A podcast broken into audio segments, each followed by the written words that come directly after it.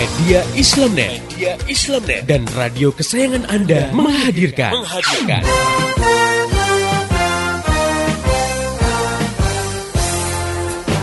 Voice of Islam. Voice of Islam. Voice of Islam.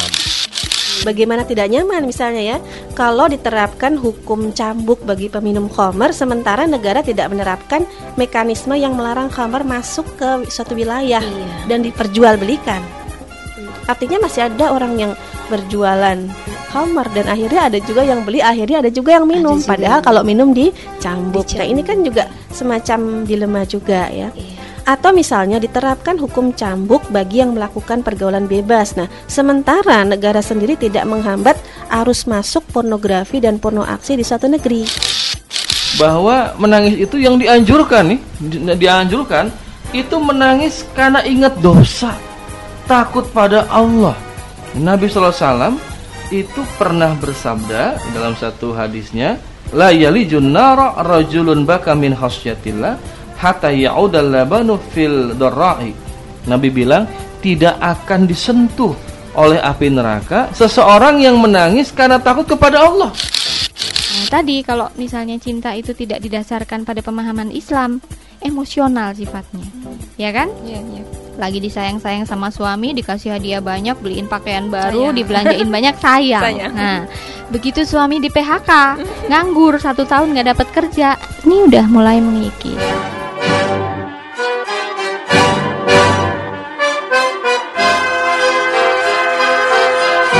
Voice of Islam. Voice of Islam. Voice of Islam.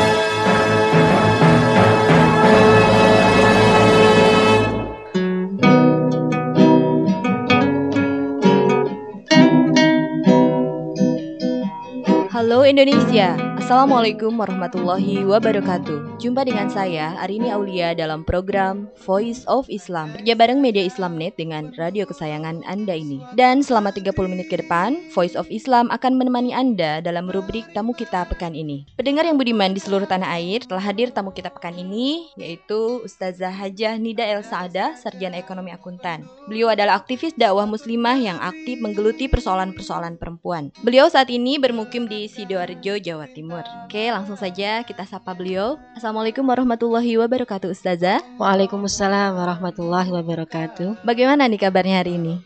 Alhamdulillah baik Mbak Arini. Sama-sama, alhamdulillah baik juga, Mbak. Pendengar yang budiman, topik yang akan kita perbincangkan kali ini adalah tentang lumpur lapindo kapan berlalu. Kedatangan Ustazah dari Sidoarjo ini semoga memberikan gambaran kepada kita tentang kondisi dan keadaan saudara-saudara kita di sana. Oke, langsung saja kita tanyakan kepada beliau bagaimana sih sebenarnya kondisi lumpur lapindo yang ada sekarang ini. Eh, Ustazah, mungkin bisa diceritakan bagaimana dengan kondisi atau keadaan lumpur lapindo yang terjadi di Sidoarjo saat ini? Ya, pendengar Budiman di seluruh tanah air, ini adalah persoalan kita semua ya. Semoga semakin menumbuhkan rasa kepedulian terhadap kondisi saudara-saudara kita, Iya. meskipun berada di tempat yang jauh dari tempat di mana pun pendengar berada sekarang. Iya. Jadi kalau kita lihat kembali awal dari istilah lumpur lapindo ya, kenapa dikatakan lumpur lapindo? Karena memang peristiwa keluarnya lumpur ini dipicu oleh pengeboran dalam rangka eksplorasi gas alam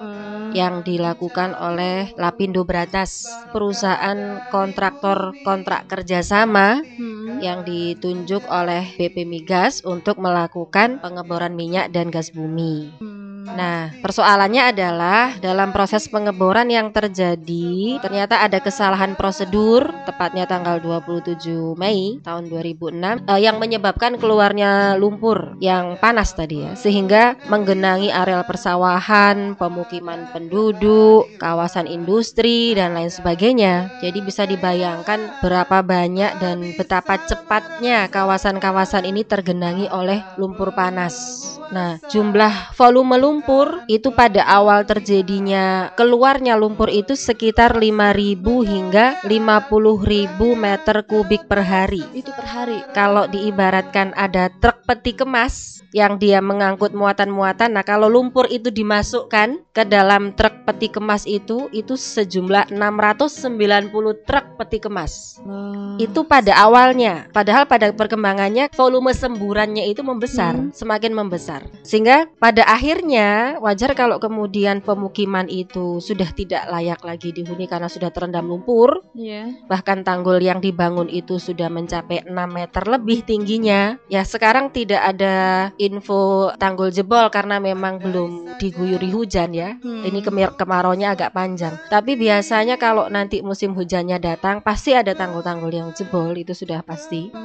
Nah, dari sisi korban sampai sekarang juga masih belum jelas nasibnya meskipun sudah ada kesepakatan 20%, hanya Iya. 20% ya, tapi itu pun juga belum tuntas ya. Hmm. Ya pada akhirnya masyarakat juga ya bagaimana lagi daripada tidak 20% ya iyalah gitu. Diambil aja gitu Ustazah. Iya, nah itu dari total sekian beberapa desa, jadi lebih dari 8.200 jiwa itu harus mengungsi, lebih dari 1.683 unit tempat tinggal yang rusak, lebih dari 200 hektar areal pertanian dan perkebunan yang rusak. Jadi kalau yang dulunya itu daerah yang cukup hijau gitu kalau Hmm. melewati kawasan itu ya, sekarang sudah ya meranggas, pohon-pohonnya kering, mati, areal pertanian sudah tidak bisa lagi ditanami ya. Lebih dari 15 pabrik harus berhenti produksinya karena tidak mungkin berproduksi sudah tenggelam oleh lumpur ya. Hmm. Dan lebih dari 2000 warga yang harus dirumahkan. Belum lagi dari sisi sarana pendidikan yang terendam lumpur panas juga tidak bisa lagi difungsikan. Kemudian rusaknya sarana dan prasarana infrastruktur, jaringan telepon, jaringan listrik. Ya sekarang kalau lihat ruas tol Surabaya Malang sudah putus,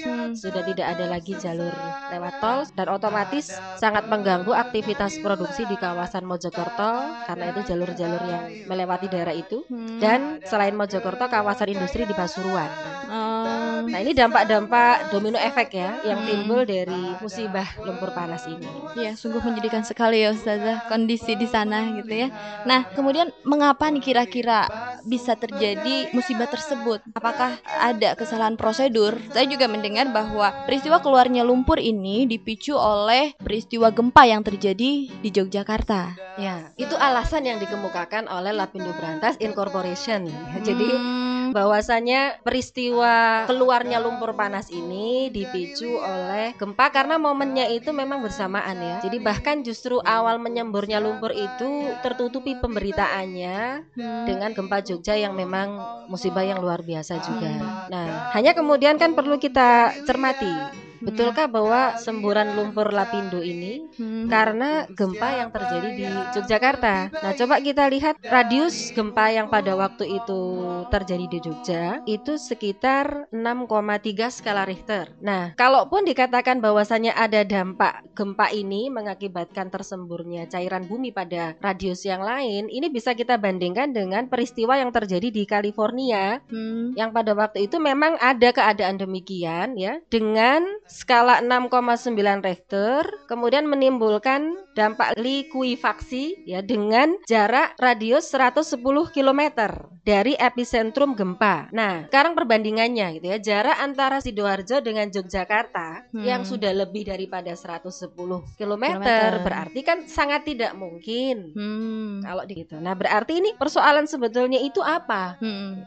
Nah, kalau kemudian dicermati apa yang terjadi pada proses pengeboran yang dilakukan oleh Lapindo Brantas, iya, yang pertama ternyata dia tidak memasang selubung mata bor, tidak memasang casing, hmm, yang seharusnya apabila dilakukan pengeboran pada perut bumi pada kedalaman 3580 kaki itu harusnya dipasang casing 13 3 per 8 inci pada selubung mata bornya itu. Hmm, karena ini kan mengebor perut bumi. Iya. bukan hanya sekedar membuat sumur untuk mengambil air gitu hmm, Nah, tetapi ternyata pada saat dia mengebor lapisan bumi dari kedalaman 3580 kaki ya sampai lebih dari itu yaitu 9297 kaki, mereka belum memasang casing. hmm, 9 5 per 8 inci. Ketika sumur pengeboran itu menembus satu zona tekanan tinggi, hmm, ya menyebabkan fluida cairan itu masuk ke dalam sumur ya kemudian operasi dihentikan dihentikan karena sudah menyembur ya. Nah, itu yang pertama. Kemudian yang kedua fatalnya adalah selain tidak dipasangnya casing, Hmm. rig rig tem- alat yang dipakai untuk mengebor itu Hmm. langsung diangkat dari sumur pengeboran dengan alasan karena harga rig mahal. Hmm. Kalau rignya itu tidak segera diangkat, nanti terendam lumpur panas dan rusak. Padahal Hmm. ibaratnya apabila seandainya, jadi kita kembali mengambil inilah ya, mengambil pelajaran gitu ya. Hmm. Seandainya rig itu tidak diangkat, bisa jadi tidak sebesar itu. Hmm. Ya ibaratnya kalau ada bagian tubuh tertusuk oleh pisau ya, Iya. ya tentu untuk sementara waktu sebelum diambil tindakan Hmm. itu masih tersumbat lah begitu aliran darahnya dengan pisau yang masih menancap. Ah, iya, Nah, iya. ketika pisau yang menancap itu diangkat, ya tentu kan lubang lukanya itu jauh lebih menganga Iya. dan semburan darahnya itu lebih besar lagi. Nah, ini kan ibaratnya rignya itu alatnya itu langsung diangkat, tidak diambil tindakan apa-apa dengan cepat waktu itu. Karena memang perhatian semua masih ke gempa Jogja kalau tidak salah Hmm. waktu itu ya. Itu kalau kita lihat dari peristiwa awalnya dulu itu bagaimana? Ya, fakta-fakta itu tidak bisa kita nafikan. gitu. Hmm. Satu, tidak dipasang selubung mata bor dan yang kedua, tindakan-tindakan untuk berpikir ke depannya yang terbaik bagi masyarakat itu ternyata tidak mengemuka Hmm. oleh siapa pun yang terlibat pada operasionalnya waktu kejadian itu. Hmm. Tapi yang lebih mengemuka adalah menyelamatkan alat-alat yang harganya mahal ini Hmm. sehingga kerugian perusahaan tidak terlalu besar. Sekalipun saya yakin juga siapa pun yang ada pada waktu itu tidak menduga dan tidak menginginkan akan seperti ini, tapi tidak dipungkiri bahwa yang sangat melekat kuat pada benak pelaku operasional dari perusahaan Lapindo adalah dia profit ansih gitu ya. Hmm. Berpikir profit Oriented. oriented. Eh, mungkin itu tadi dari segi aspek teknis sama aspek ekonomisnya mungkin Ustazah ya. Nah. Iya, iya, betul Mbak Arin. Oke pendengar, menarik sekali ya pembahasan tentang lumpur lapindo ini dan kita nanti akan menanyakan tentang aspek politik yang menyebabkan masalah ini sepertinya tidak kunjung usai dan seperti saling melempar tanggung jawab. Tapi sebelumnya kita akan dengarkan dulu lagu berikut ini dan lagu ini menggambarkan tentang kritik sosial dan bagaimana barokah akan datang sekiranya penduduk negeri beriman dan barokah akan dicabut sekiranya penduduk mengingkari hukum Allah. Dan lirik ini ditulis oleh Ustadz Umar Abdullah. Oke pendengar, tetap setia di Voice of Islam. Andai saja penduduk suatu negeri beriman kepada Allah. Andai saja penduduk suatu negeri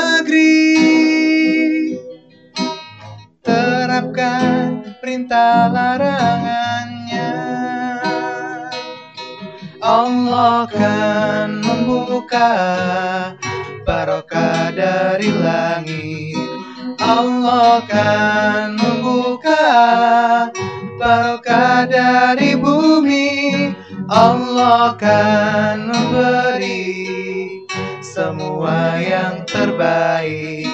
Pastikan menjadi umat yang terbaik.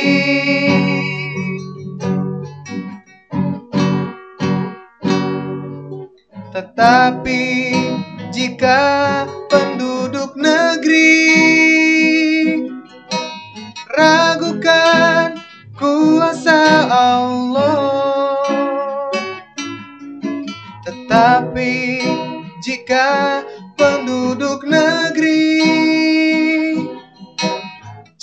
campakkan perintah larangannya. Allah kan mencabut barokah dari langit. Allah kan mencabut barokah dari bumi. Pastikan menjadi umat yang terhina. Pastikan terjadi sebuah keadaan.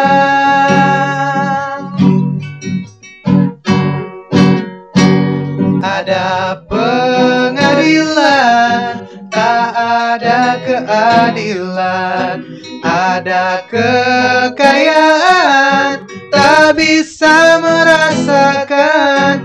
Ada penguasa, bukan pemelihara.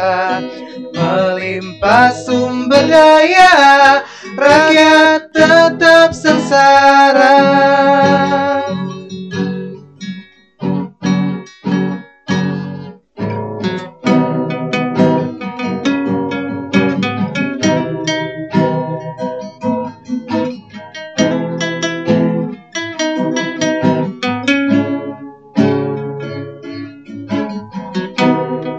Masih di Voice of Islam, kerja bareng media Islamnet dengan radio kesayangan Anda ini. Pendengar yang budiman, pada kesempatan ini kita masih berada dalam rubrik tamu kita pekan ini bersama Ustazah Hajah Nida El Saadah, sarjana ekonomi akuntan. Dan beliau adalah aktivis dakwah muslimah yang aktif menggeluti persoalan-persoalan perempuan. Oke, langsung saja kita lanjutkan kembali bincang-bincang kita dengan beliau tentang eh, lumpur lapindo kapan berlalu. Nah, Ustazah, melanjutkan perbincangan kita tadi, ya sekarang sekarang mohon mungkin dijelaskan bagaimana aspek politik yang kalau menurut saya aspek politis ini justru adalah aspek yang sangat penting. Nah, bagaimana menurut Ustazah?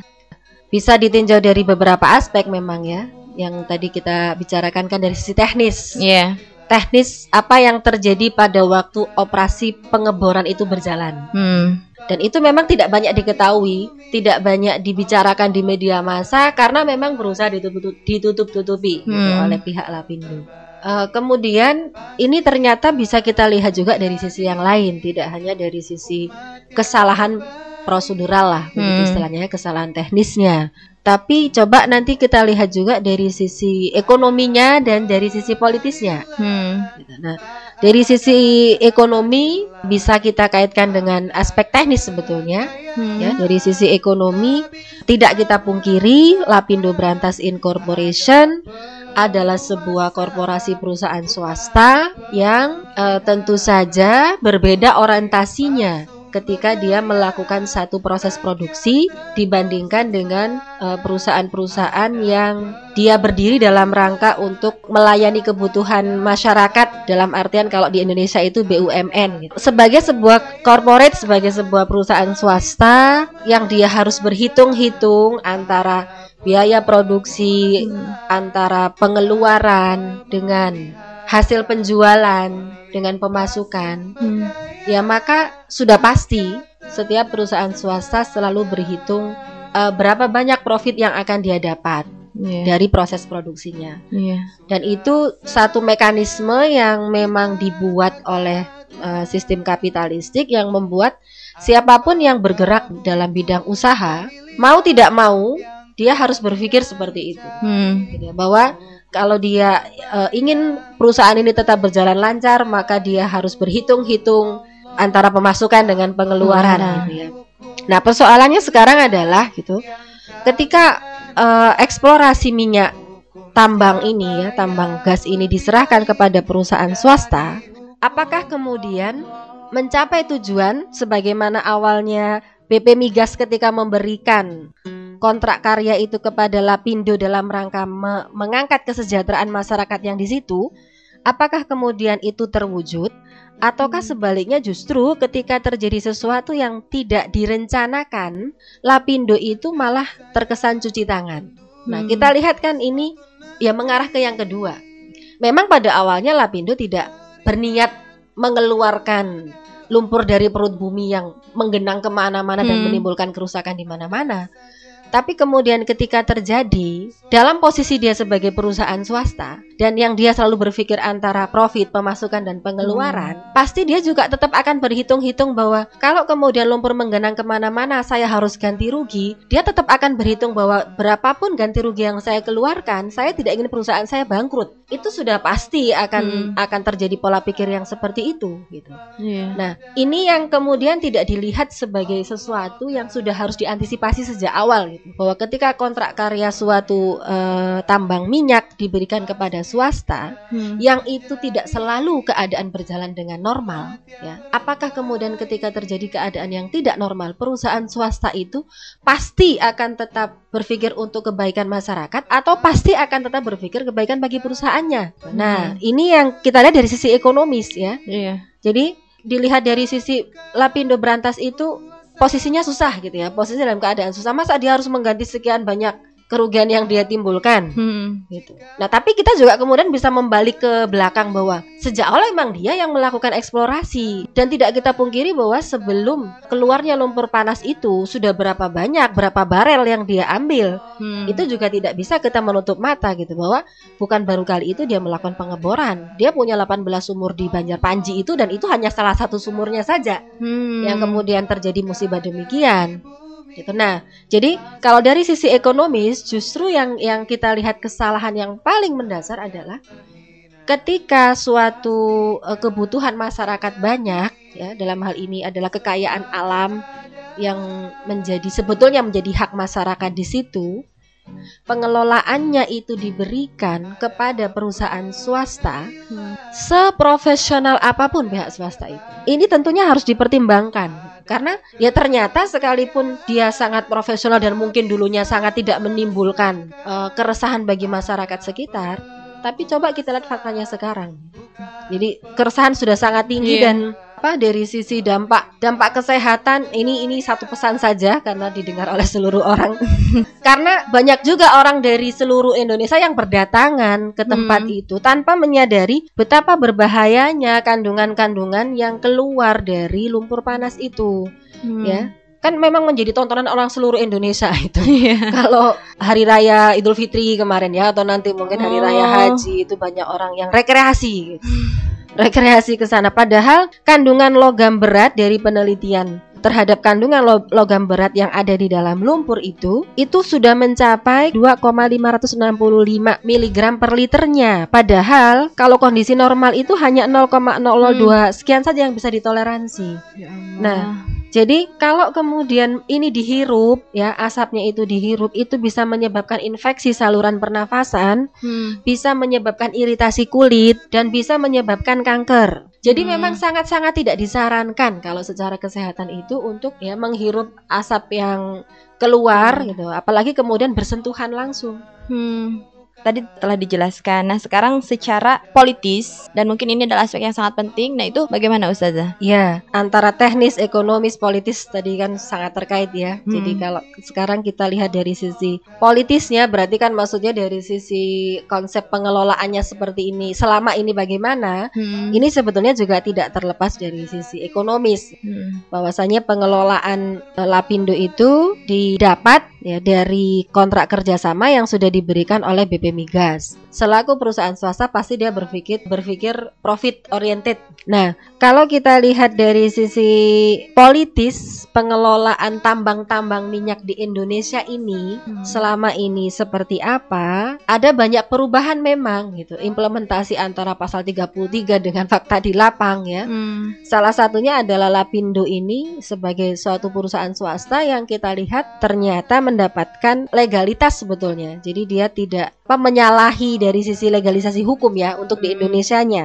Karena dia telah mengantongi izin kontrak karya itu dari hasil production sharing contract dengan pemerintah Indonesia yang kemudian memberikan otoritas ya memberikan kewenangan kepada Lapindo untuk mengeksplor gas gas yang ada di Sidoarjo. Nah, kita lihat kenapa kemudian eh, pemerintah Indonesia mengambil langkah demikian. Nah, Hmm. ini sejalan dengan konsep privatisasi yang semakin dominan di Indonesia ya. Hmm. Jadi dengan alasan bahwa perusahaan-perusahaan negara BUMN itu kurang efisien, banyak korupsi, kurang profesional gitu. Sehingga dilatar belakangi image seperti itu ya, kemudian diambil satu pemecahan, ya berarti untuk bisa lebih baik, lebih profesional, lebih efektif, efisien, dibagilah gitu ya, dibuatlah kontrak kerjasama dengan perusahaan-perusahaan swasta. Nah, padahal tadi ya, kita lihat dalam sebuah korporasi di dalam sistem kapitalisme, perusahaan pasti akan selalu berpikir bagaimana kelangsungan perusahaan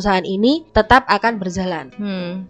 Nah, kemudian kita lihat sekarang pada awalnya itu normal-normal saja. Ketika kemudian terjadi bencana, musibah yang sangat luar biasa ini, otomatis kan pengeluarannya lebih besar. Ketika pengeluarannya lebih besar, kemudian Lapindo seakan cuci tangan gitu. Dikatakan bahwa dia sudah tidak mampu lagi mengatasi, bahkan kemudian pada perkembangan terakhir eh, sudah diklaim ini adalah musibah nasional, Hmm. Berarti dengan demikian nanti karena musibah nasional berarti pusat turun tangan.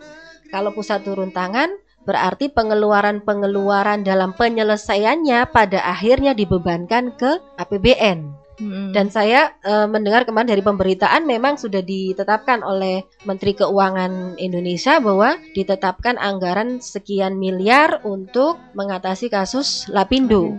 Berarti ujung-ujungnya e, rakyat itu ketika dia mengalami bencana, ya kemudian ditutup dari APBN.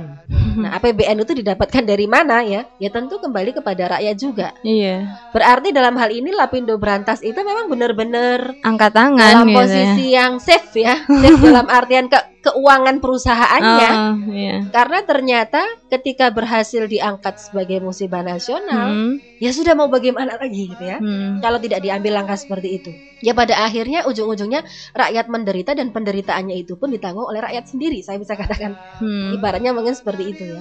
Iya. Nah ini yang kalau kita lihat dari sisi aspek politis tadi ya, Hmm. ibarat vicious cycle lah gitu ya, lingkaran setan Hmm. yang sebetulnya itu kesalahan mendasarnya itu ada.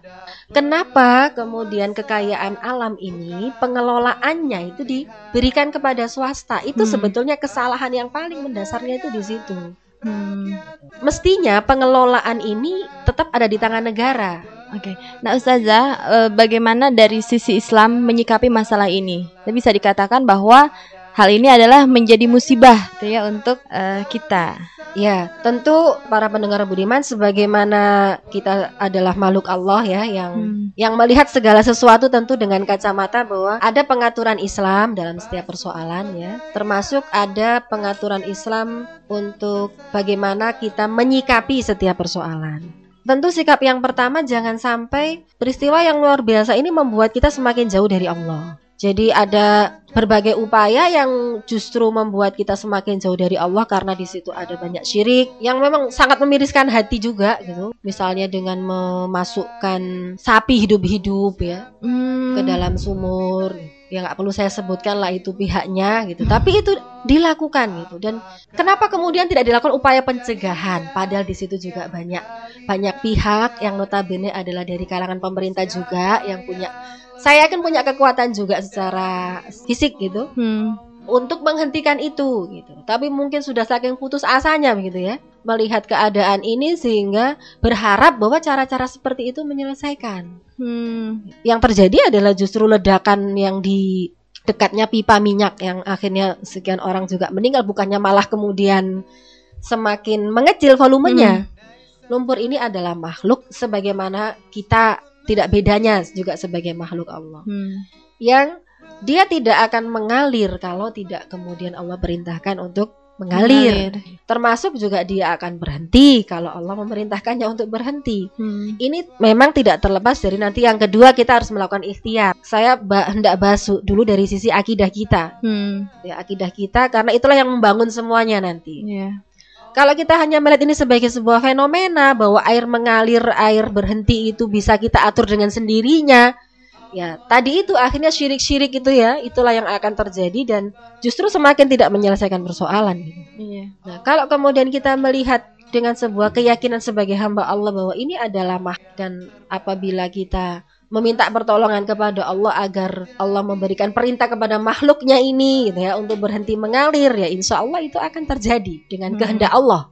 Yang kedua, ketika sesuatu tidak dijalankan sesuai dengan Islam, pasti akan ada banyak fasad, gitu. pasti Hmm. akan ada banyak kerusakan. Kesalahannya adalah dalam konsep pengaturan kepemilikan dan yang kedua pengelolaan kepemilikan ini. Hmm. Kita lihat di sini ini adalah minyak, ini adalah sumur minyak dan gas yang diciptakan Allah. Berarti harusnya kan kita dudukkan bagaimana hukum Islam dalam mengatur masalah siapakah yang memiliki minyak dan gas ini. Apakah boleh kemudian minyak dan gas ini diberikan kepada swasta?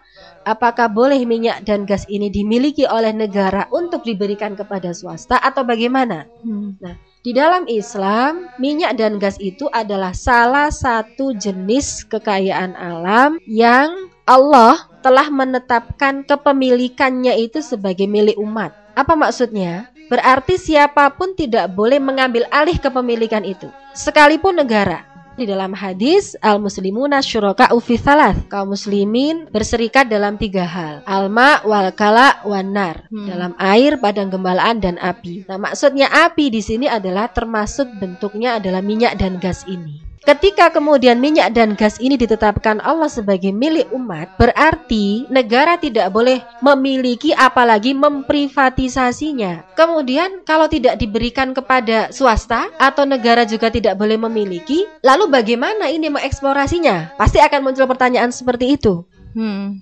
Untuk mengambilnya itu kan membutuhkan pengeboran yang dalam sampai berapa ribu kaki tadi. Iya. Nah, pengelolaannya itu menjadi tanggung jawab negara. Tetapi dalam mengelola minyak dan gas ini, negara tidak boleh memberikannya kepada swasta, Swasta. apalagi swasta asing Hmm. yang orientasinya adalah profit ansih tadi. Iya. Maka negara itu bertanggung jawab mengelolanya. Tentu dia akan mengatur dari pembelanjaannya gitu ya, baitul malnya, APBN-nya, anggaran pendapatan dan belanjanya, dia akan atur sekian banyak untuk beli pipa, untuk sumber daya manusia yang mengebor dan sebagainya. Iya. Tapi hasilnya ketika dijual itu tidak boleh digunakan untuk yang lain-lain selain pos yang menjadi kebutuhan masyarakat. Sehingga memang sangat dimungkinkan pada eksplorasi yang kesekian bahkan bisa dibagikan secara gratis. Hmm. Nah, kalau kemudian dikompar diba- dibandingkan dengan perusahaan swasta, kenapa yang dia sudah mengeksplorasi berpuluh-puluh tahun itu tidak ada titik di mana kita dapat minyak dan gas gratis? Jangankan gratis, beli aja susah gitu Iya. sekarang gitu ya. Oke pendengar, itu tadi bincang-bincang kita dengan Ustazah Hajah Nida El Saada Dan dari perbincangan kita tadi, ada beberapa kesimpulan yang bisa kita tarik Yang pertama, problem atau masalah akan terus berlanjut selama urusan manusia diselesaikan menggunakan cara-cara kapitalistik Yang kedua, Islam memiliki pengaturan yang jelas tentang sumber daya alam Baik dari sisi kepemilikannya ataupun siapa yang bertanggung jawab mengatur dan mengelolanya Yakni rakyat sebagai pemilik dan negara sebagai pengatur dan pengelolanya. Kemudian yang tiga ini yang terpenting yaitu harus ada keyakinan bahwa Allah pemilik alam raya ini yang mampu melimpahkan barokah ketika umatnya melaksanakan hukum-hukum Allah dan berkuasa mencabut barokah tersebut ketika umatnya mengingkari hukum-hukum Allah. Dan buat pendengar yang ingin bertanya atau memberikan saran dan kritik, Anda bisa kirim surat ke radio kesayangan Anda ini atau SMS ke 0856 9492 4411 atau juga melalui email ke mediaislamnet@yahoo.com. Untuk info-info lebih lanjut mengenai Voice of Islam, radio-radio di seluruh Indonesia yang akan menyiarkannya, juga topik-topik yang akan dibahas, Anda bisa klik di www.gaulislam.com. Saya Arini Aulia dan seluruh kerabat kerja yang bertugas mengucapkan terima kasih kepada Ustazah Hajah Nida El Saada atas penjelasan dan kehadirannya. Iya, sama-sama. Dan terima kasih juga buat pendengar yang telah setia mengikuti acara ini. Pesan saya, sampaikan apa yang Anda peroleh dari acara ini kepada yang lain, agar rahmat Islam ini bisa segera tersebar luas, termasuk di kota Anda yang tercinta ini. Mari menimbang masalah dengan syariah. Assalamualaikum warahmatullahi wabarakatuh. Demikian tadi Voice of Islam. Voice of Islam. Semoga hikmah yang terkandung bermanfaat untuk kita semua. Amin amin amin ya robbal alamin. Kembali bisa Anda dengarkan Voice of Islam. Voice of Islam menghadirkan topik-topik seputar kehidupan kita esok hari di waktu dan gelombang yang sama.